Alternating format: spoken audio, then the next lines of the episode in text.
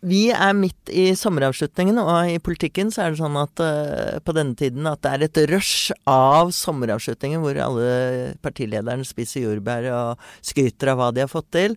Jonas Gahr Støre hadde kanskje litt større problem med å skryte så mye, og på toppen av det hele har han fått en meget betent asylsak i fanget. Den skal vi snakke litt mer om. Det skal vi gjøre, og så skal vi selvfølgelig også innom eh, en sak du har vært opptatt av denne uka, Marie. Eh, nemlig troféjakt sør for Sahara. Vi skal snakke om hvorfor det er bra å skyte løver. I think it's a disgrace. Jeg syns det blir litt spesielt. At Dagbladet driver med Donald Duck-journalistikk, det kjenner vi alle til. Men dette holder ikke. Du snakker jo bare visvask av arbeidslivet. Helt useriøst. You are fake news. Go ahead.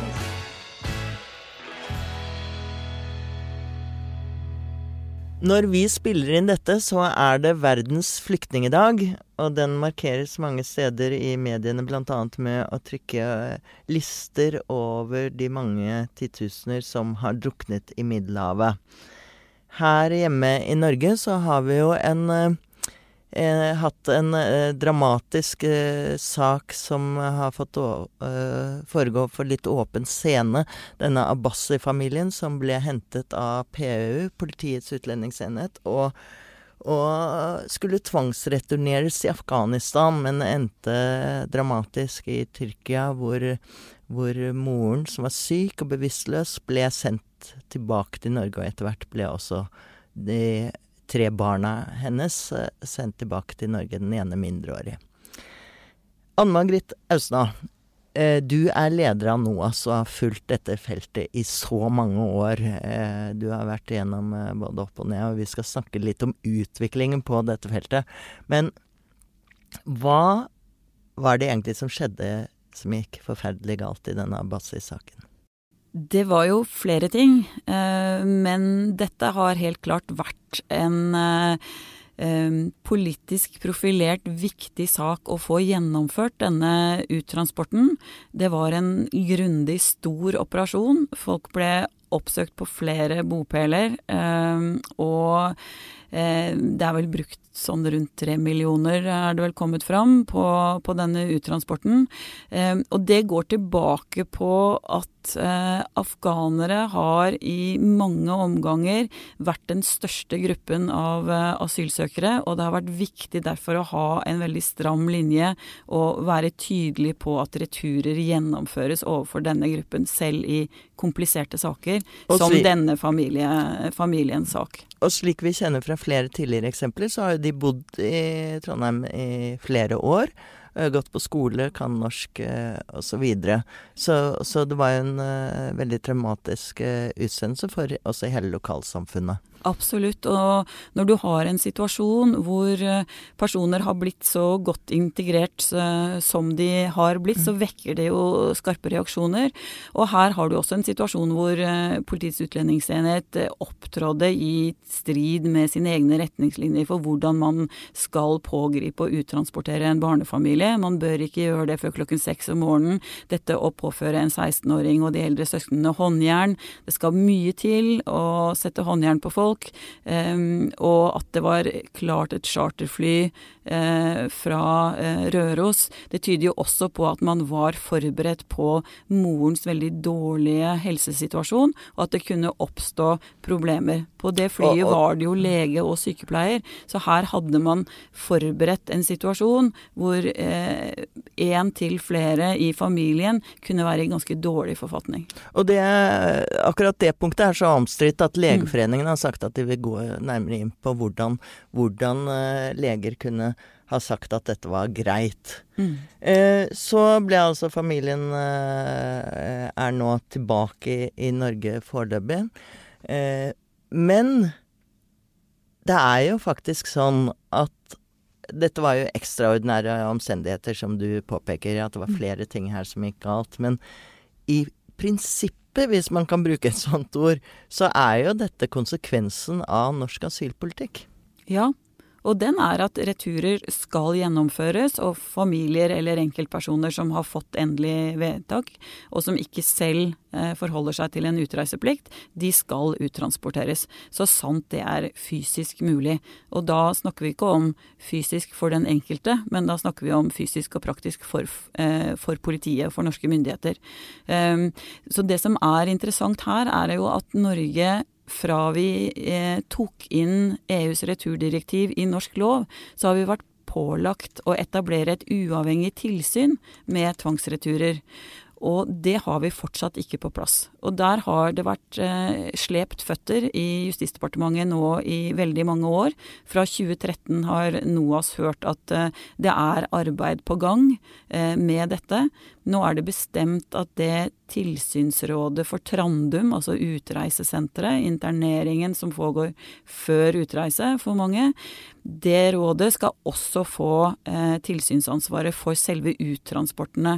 Men det mandatet er fortsatt ikke klart etter flere år, eh, og altså et pågående, meget saktegående arbeid i Justisdepartementet. Og hvorfor dette er viktig, er jo annet i hvert fall sett utenfra, du vet jo enda mer om dette her, eh, at, eh, at grensene mellom hva som er politikk og embetsverkets utførelse og UNE og alt dette her, er ofte litt uklar at de flyter litt inn i hverandre.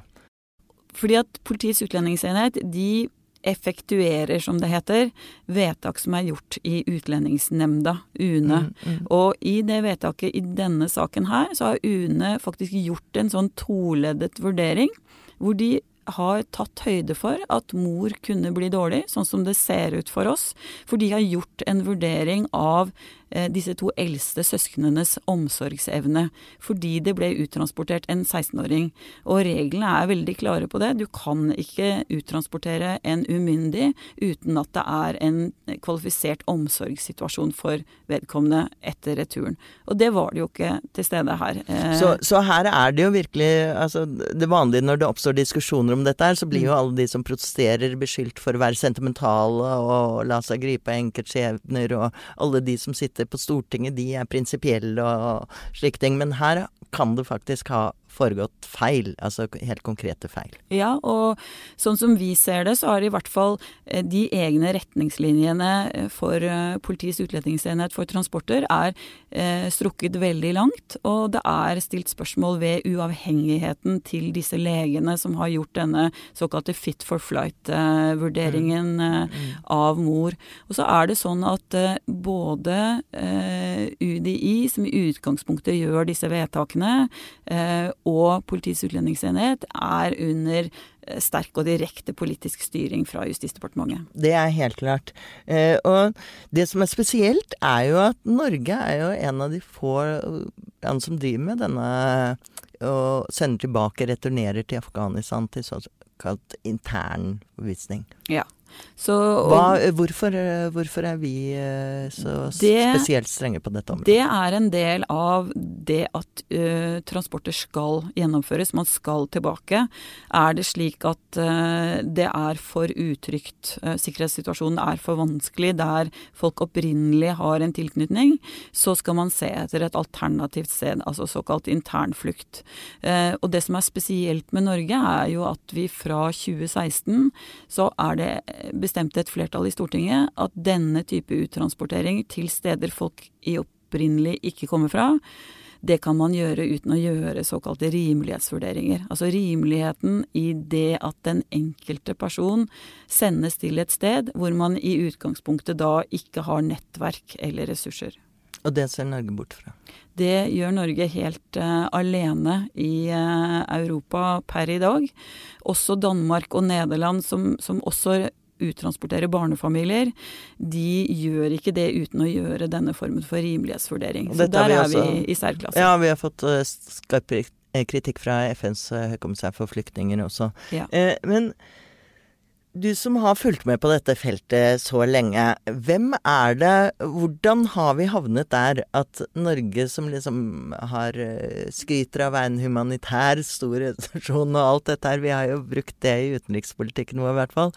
Hvordan er vi havnet til å være liksom en av de strengeste landene i Europa når det gjelder asyl- og innvandringspolitikk? Det er sammenfall av to ting, og det ene er en utvikling som, eh, som startet med Arbeiderpartiet. Under Gro så ble det lagt en, en, stram linje, men det har hele tiden vært også en opposisjon i Arbeiderpartiet. Så du inntil regjeringen Stoltenberg så så du at det, det gikk litt fram og tilbake. Du hadde innstramminger, men så hadde du også liberaliseringer. Men eh, etter regjeringen Stoltenberg så har det vært sånn at eh, innstramminger som er gjort, de liberaliseres aldri igjen. Det kommer bare ytterligere innstramminger, og det er blitt forsterket eh, med den polariseringen som oppsto med Fremskrittspartiet i regjering og høye ankomster til Norge i 2015, hvor hele det politiske Norge i praksis fikk panikk. Og etter det så har det ikke vært mulig å se på eh, justeringer i en veldig stram politikk på en del områder, fordi at da beskyldes man for å være naiv og liberal og åpne dørene og ønske alle mm. velkommen. Men er dynamikken her Er det Frp som må ta en del av skylda for å ha dratt uh, dette langt til høyre?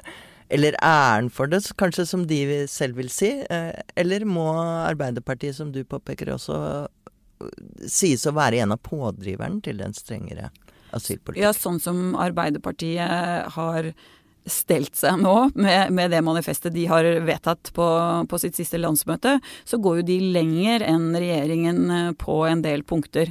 Eh, så det er jo med uro vi ser på en eventuelt eh, realisering av enkelte av eh, de punktene i, i Arbeiderpartiets politikk. Og det er klart at Fremskrittspartiet ønsker nok å ta æren for dette, men de hadde jo ikke fått dette til om ikke det var slik at Høyre, Arbeiderpartiet og Senterpartiet, uten å ville snakke høyt om det, har lagt seg veldig sånn bedagelig i, helt opp til Fremskrittspartiet på en rekke punkter. Og det virker jo som eh, Ola jeg skal snakke litt om, om Jonas Gahr eh, Støres vanskjebne for tiden. Eh, men eh, det er påfallende hvordan han har sittet helt stille i båten her og kjører Masud Gharahkhani eh, foran seg, han som ledet dette utvalget, og som er en litt omstridt figur i Arbeiderpartiet, må man vel få lov til å si, fordi han er for en veldig streng innvandringspolitikk. Det jo, må jo være bevisst fra Støres side. Det framstår eh, absolutt slik, eh, og det framstilles jo nå av Gharahkhani og andre som at eh, det vedtaket Arbeiderpartiets landsmøte gjorde var enstemmig, men det ble jo knapt votert over, over det. Og det var ganske stor opposisjon til dels på flere av de punktene i den nye politikken til Arbeiderpartiet.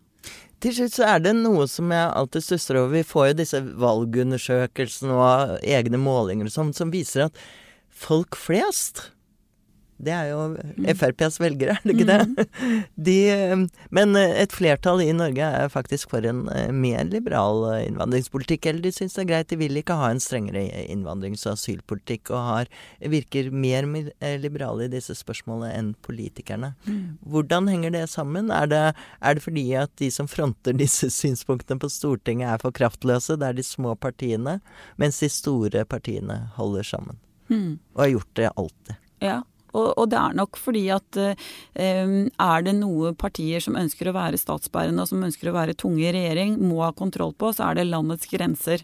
Og man må ha kontroll på hvem som befinner seg i landet.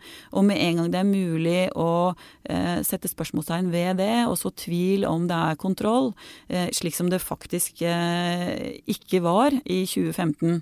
Og da er det viktig at nå har det kommet en rapport fra dette utvalget som skulle se på om det var nødvendig å gi større fullmakter for å ha en form for sånn akutt beredskapslovgivning, de påpeker jo det som NOAS og andre har sagt hele tiden siden 2015, at hovedårsaken til kaoset i 2015, eh, det var jo rett og slett at etater snakket ikke med hverandre. Justisdepartementet fulgte ikke opp de varslene som kom. Eh, UDI varslet krise allerede i september. Det ble november før ting ble gjort. Og da var kaoset et faktum. Sånn at eh, hadde man hatt en bedre bedre eh, fungering. Eh, dessverre så er det litt sånn paralleller til det tragiske Utøya og andre situasjoner. Når det virkelig drar seg til, så snakker ikke de enhetene som skal operere sammen, de snakker ikke godt nok sammen, og de finner ikke raskt nok løsninger sammen. Hva skjer? Vil det bli enda strengere? Er det mulig? Jeg frykter at eh, det kan bli mulig dersom ikke man reelt ser på de faktiske konsekvensene for dem som rammes av de vedtakene som allerede er innført. For som du viste til, så, så tror jeg de fleste som er i kontakt med asylsøkere og flyktninger rundt i landet, de opplever ikke dette som en truende situasjon. De opplever ikke dette som, som kaos og uoversiktlig. Det er enkeltepisoder enkelte steder med problemer, men det har like mye med økonomi og arbeidsledighet og, og manglende ja, mulighet til å ta ansvar for egen livssituasjon å gjøre. Mm. Tusen takk, Anne Margrethe Snå. Det er alltid fint å snakke med deg, fordi du har så lang erfaring og mye innsikt.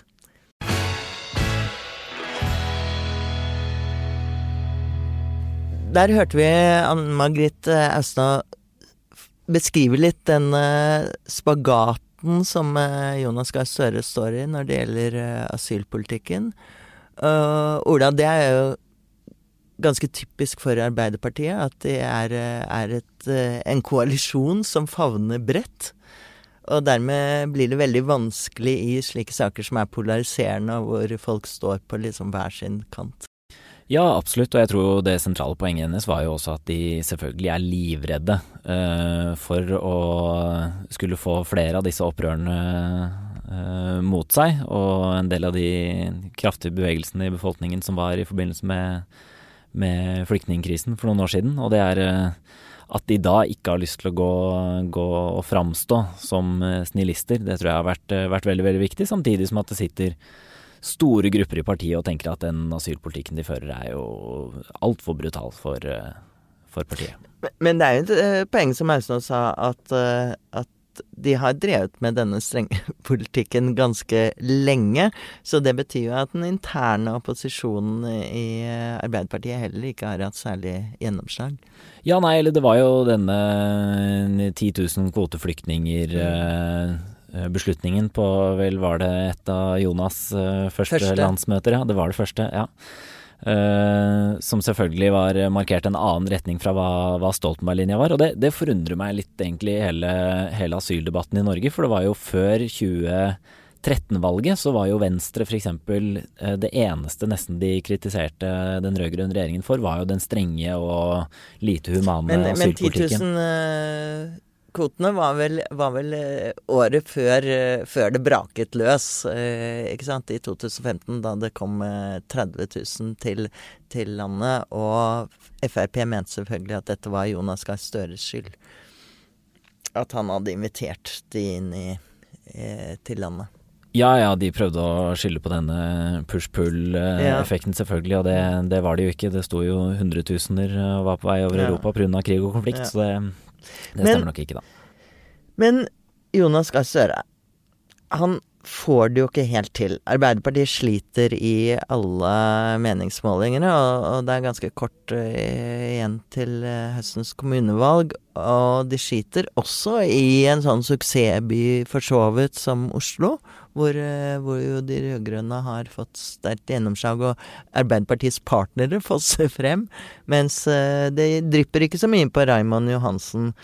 Men og nå begynner selvfølgelig da også ordfører rundt omkring å murre lite grann og, og komme med ulik forklaring på hvorfor Arbeiderpartiet sliter.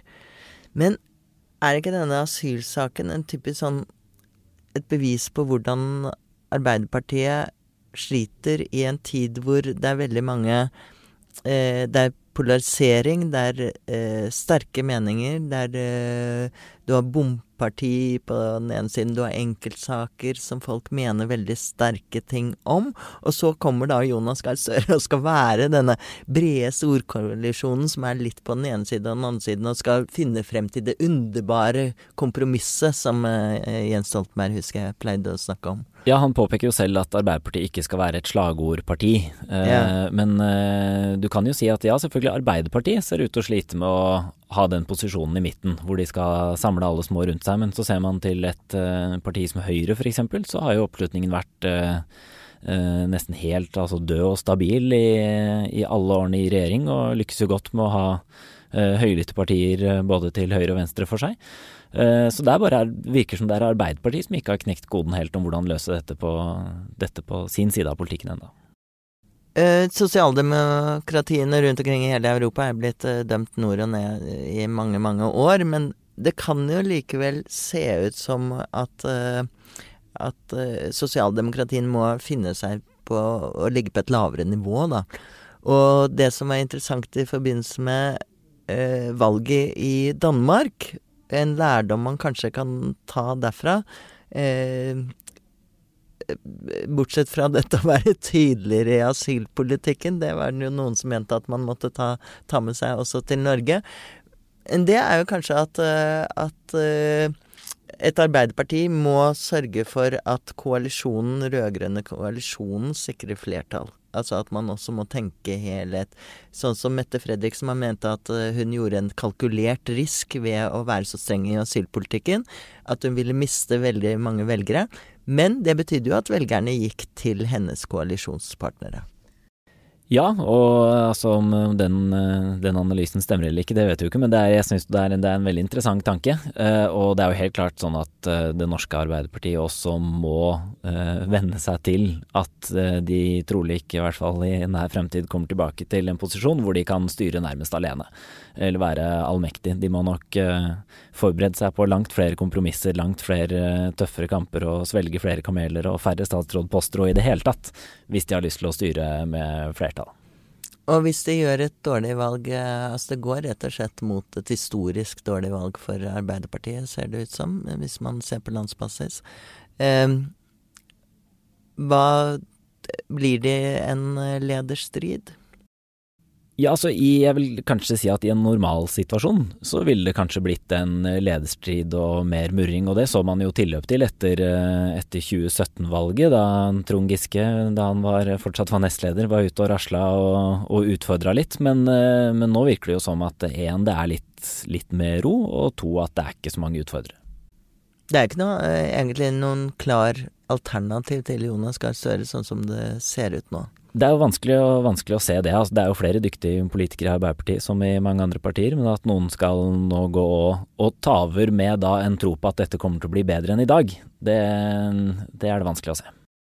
Det får vi følge med, følge med, videre. Enn så lenge så ligger det jo merkelig nok an til at de gjør et uh, veldig dårlig valg, men, uh, men, kan beholde både den røde bastionen Trondheim for femte gang. Eh, og kanskje klare seg i Oslo, og kanskje klare seg i Bergen, og kanskje klare seg i Stavanger. Så da vil det jo ikke være så dårlig.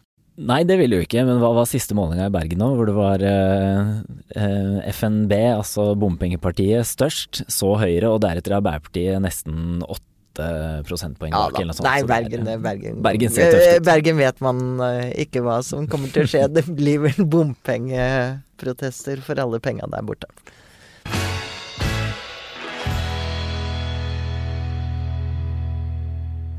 Denne uka så hadde Dagens Næringsliv et flott oppslag med en uh, sjefen i XXL, uh, sportskjeden, som uh, hadde vært på, på troféjakt i Afrika. Noe han driver med jevnlig. Han har visstnok en låve ute i Bærum et eller annet sted full av trofeer. og da Slike ting vekker jo ofte litt sånn ramaskrik, i forstand at folk syns at det er fælt å drepe disse store dyrene. Men det er eh, eh, støtte fra eh, overraskende hold til en slik bærekraftig troféjakt, som det heter. Blant annet World Wildlife Fund har støttet dette her. Og det syns jeg vi må snakke litt mer om Maren Sæbø, som er, er vel, Maren er vel en slags sånn nordmann som kan Afrika. Det ja. Så derfor kaller vi, kaller vi inn deg. Uh, hva er egentlig denne troféjakten som uh, Altså, vi, det vekker ofte avsky fordi at de har disse bildene av seg selv stående over døde løver eller sjiraffer eller noe sånt noe. Altså, eh, den type troféjakt som jeg, jeg, tror det her er snakk om, er uh, sånn Altså, man har disse store nasjonalparkene, selvfølgelig, hvor ville dyr får lov til å gå rundt. Og så har man gjerne sånne små parker ved siden av hvor rikinger kan komme og skyte litt sånn halvtamme løver og, og, og andre store dyr som, som uh, står høyt i, i, kurs i den. Det høres ikke ut som en veldig sånn utfordrende jakt. Altså du tenker løvejakt, så ser jeg for meg liksom at du nærmest ofre livet, men eh, Jeg vet jo ikke helt hvordan dette foregår, men eh, jeg vet jo at de har Altså, de aler jo opp dyr spesielt for dette her, så de er jo ikke helt ville. Uh, og de bruker jo også trackere, stifinnere. Det er jo relativt mange arbeidsplasser i det. Så de får jo ikke Altså det er ikke sånn at de går rundt og, og prøver å finne disse dyra sjøl. Eh, de får god hjelp, disse rikingene. Men ikke, ikke så ulikt eh, deler av norske elgjakta, da vel? Som også er populært for utenlandske turister som skal komme og skyte, som òg da blir fulgt ja, rundt av sånn lokale folk. Er du sånn trekker i Elverum for uh, Nei, nei, nei, det er jeg ikke, men, eh, men har jo hørt om, selvfølgelig. Ja, Men dette er, eh, dette er, en form for uh, jaktsafari, kan du si, som har utviklet seg i det siste. Og blant annet fordi at uh, myndighetene gjør det øh, for å få kontroll over Altså, de mener at det er god naturvern, egentlig, å få denne jakten under kontroll på den måten. Det er jo inntektsbringende. Ja. Eh, og det er jo altså i en del eh, land, spesielt i sørlige Afrika og Øst-Afrika, så er jo etter hvert eh, presset fra turisme, som, altså turister som skal på safari, ganske stort. Eh, og da kan du enten velge masseturisme, eller så kan du velge de litt mer eksklusive eh, formene for safariturisme, inkludert da denne jaktsafari-varianten. Men når vi liksom syns eh, at eh, disse eh, troféjegerne som poserer med et litt sånn fornøyd glis Donald Trump jr. har vi jo alle sett som holder opp en gepard, eller hva det er, etter halen. Uh, uh, de er egentlig ikke de store skurkene, kanskje når det gjelder når man snakker om at uh, dyr er truet. Nei, altså den, si, den, store skurken er jo uh, mennesker generelt. At det er såpass Altså det er en voksende befolkning uh, og et press på de siste uh, ville områdene. det andre som da skjer, er at det er mye krypskyting. det fins jo Altså nå snakker vi om en slags lovlig troféjakt, men den går jo hånd i hånd med en svært illegal troféjakt, som også inkluderer drap på neshorn og elefanter for, for horn. Uh, og altså dette er, dette er, kriminell virksomhet, og internasjonal kriminell virksomhet, som går hånd i hånd også med den troféjakten. Og, og, da er det ofte ikke sant, altså lokalbefolkningen som lar seg friste fordi det er enorme summer som du kan tjene på, uh, på elfenben og, og annen miljøkriminalitet. da. Ja, altså dette er jo veldig innbringende. Ja. Eh, og lokale folk har som regel ikke det samme sentimentale forhold til store dyr som vi har. Eh, de ligger jo ofte i konflikt med dem. Altså man har gjetere som ligger i konflikt med rovdyra, og så har man bønder som ligger i konflikt med elefantene som kommer og tramper ned alt. Eh, så, så vi dem, må tenke på det litt som ulven her? Ja, altså det er jo Man, man kjemper jo om det samme territoriet her. Så, så, for lokalbefolkning så er det jo en god måte å tjene penger på. Uh, men de som virkelig tjener penger på det, er jo kriminelle nettverk. Som, som klarer å eksportere uh, da disse delene av dyra. Om det er en hånd fra en gorilla eller elfenben eller uh, neshorn. Fordi mye av det er forbudt å importere, ikke sant? Altså det, Nesten mange land alt dette har, er forbudt. Har, ja. Men vår venn Donald Trump faren til Donald Trump jr., eh, han, han, opphevet eh, importforbudet mot elfenben, f.eks. Ja, han syntes det var en, en, god idé, plutselig. Eh, og det er jo en stor debatt. Altså, I sørlige Afrika så har flere land gått inn for å oppheve fordi de rett og slett trenger, trenger å, å, ta ut en del elefanter. De tar ut eh, lovlig en del elefanter, men får ikke solgt elfenbenet. Um, det får de ikke solgt, fordi man ønsker ikke å putte elfenben ut på markedet. Fordi man tror det kan skape en mer etterspørsel, og at du også da kan eh, på en måte skjule illegal elfenben i det som er det lovlige. Så flere land i sørlige Afrika har gått sammen for å prøve å oppheve eh, det internasjonale handelsforbudet. Men i tillegg til at uh, disse uh, pengene fra denne jakten uh, gir jo inntekter og arbeidsplasser og sånn, så går også disse pengene tilbake til naturforvaltning? Ja, i disse organiserte sånne småparkene hvor det driver, sånn, driver sånn jakt på halvtamme dyr, så, så, går det jo en del penger tilbake. Men det går nok eh, mest penger til de selskapene som, som organiserer jakten. Uh, de, har, de, ansetter jo en del lokal arbeidskraft, men det er ikke den mest bærekraftige måten Ikke sant? Jeg, tenker at hvis, eh, hvis det er sånn eh, Fordi veldig mange av de som er troféjegere, de hevder jo også at de driver med eh, Bidrar til bærekraftig naturforvaltning. Eh, det fins vel bedre måter å gjøre det på enn å skyte dyr, eller? Altså, de kan jo nøye seg med det resten av oss gjør, altså se på dyra. Eh, det, det er spennende nok for, for en del av oss. Men du har det dilemmaet igjen at du vil ha inn eh, Altså, skal man få inn nok turister eh, på, på lavbudsjett, eh, så, så blir det veldig mye folk ute i disse parkene. Så man må ha noen sånne eksklusive Eller man tror man må ha noen sånne eksklusive pakker. Men, men for, som sagt, også for de aller fleste rikfolk så er det nok å kunne se. Fordi Maren Ola, jeg hadde tenkt liksom Jeg hadde planlagt å endelig dra på Afrikasafari til neste år, men, eh, men etter å ha snakket med Maren om hvor kjedelig det er, så, så er jeg litt usikker. Eh, men Maren, du har andre alternativer til hvordan man kan oppleve hvert fall litt mer spenning enn å dra på sånn organisert eh, safari. Ja, man kan gjøre det som folk flest gjør eh, i sørlige Afrika. Man kan eh, leie en bil med campingutstyr, og så drar man på sånn self-drive-safari. Eh, det er altså kommunalt eide altså campingplasser i bl.a. Namibia, Zambia, Mosambik. Hvor du, man kan leie seg inn. Der gir man penger da til det lokalsamfunnet som driver campingplassen, og får mat og ved av dem. Og det er en mye hyggeligere måte, egentlig, å, å kjøre rundt og se på dyr Og risikerer å bli angrepet av ville dyr. Bavianer. Bavianer, Ja, mye bavianer. Ja, nei, jeg, jeg, får, får tenke på det. Jeg rekker ikke det denne sommeren. Eh, for de av lytterne som, eh, som har lyst til å vite litt mer om dette, så kan du gå inn på Facebook-siden og se um, Hva skal jeg kalle det? Maren hun har et veldig vakkert elfenbenssmykke her, som hun har hatt med seg i studio. Jeg vet ikke helt om det er lovlig eller ikke. Det kan eh, Maren eh, slippe å svare på. Det er et slags krigsbytte. Men, eh, men da ser man i hvert fall hva, hvorfor dette er så ettertraktet. Så det vil jeg anbefale på det sterkeste. Og da, Ola, går jeg eh, rett og slett Jeg tar med litt ferie nå. Ja. Eh, Ja, du må kose deg. Vel forent, vel unt. Kose meg. Har du sett værmeldingen? Åh, nei.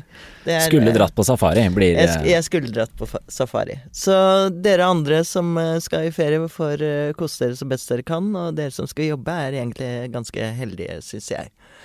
Ha en god helg.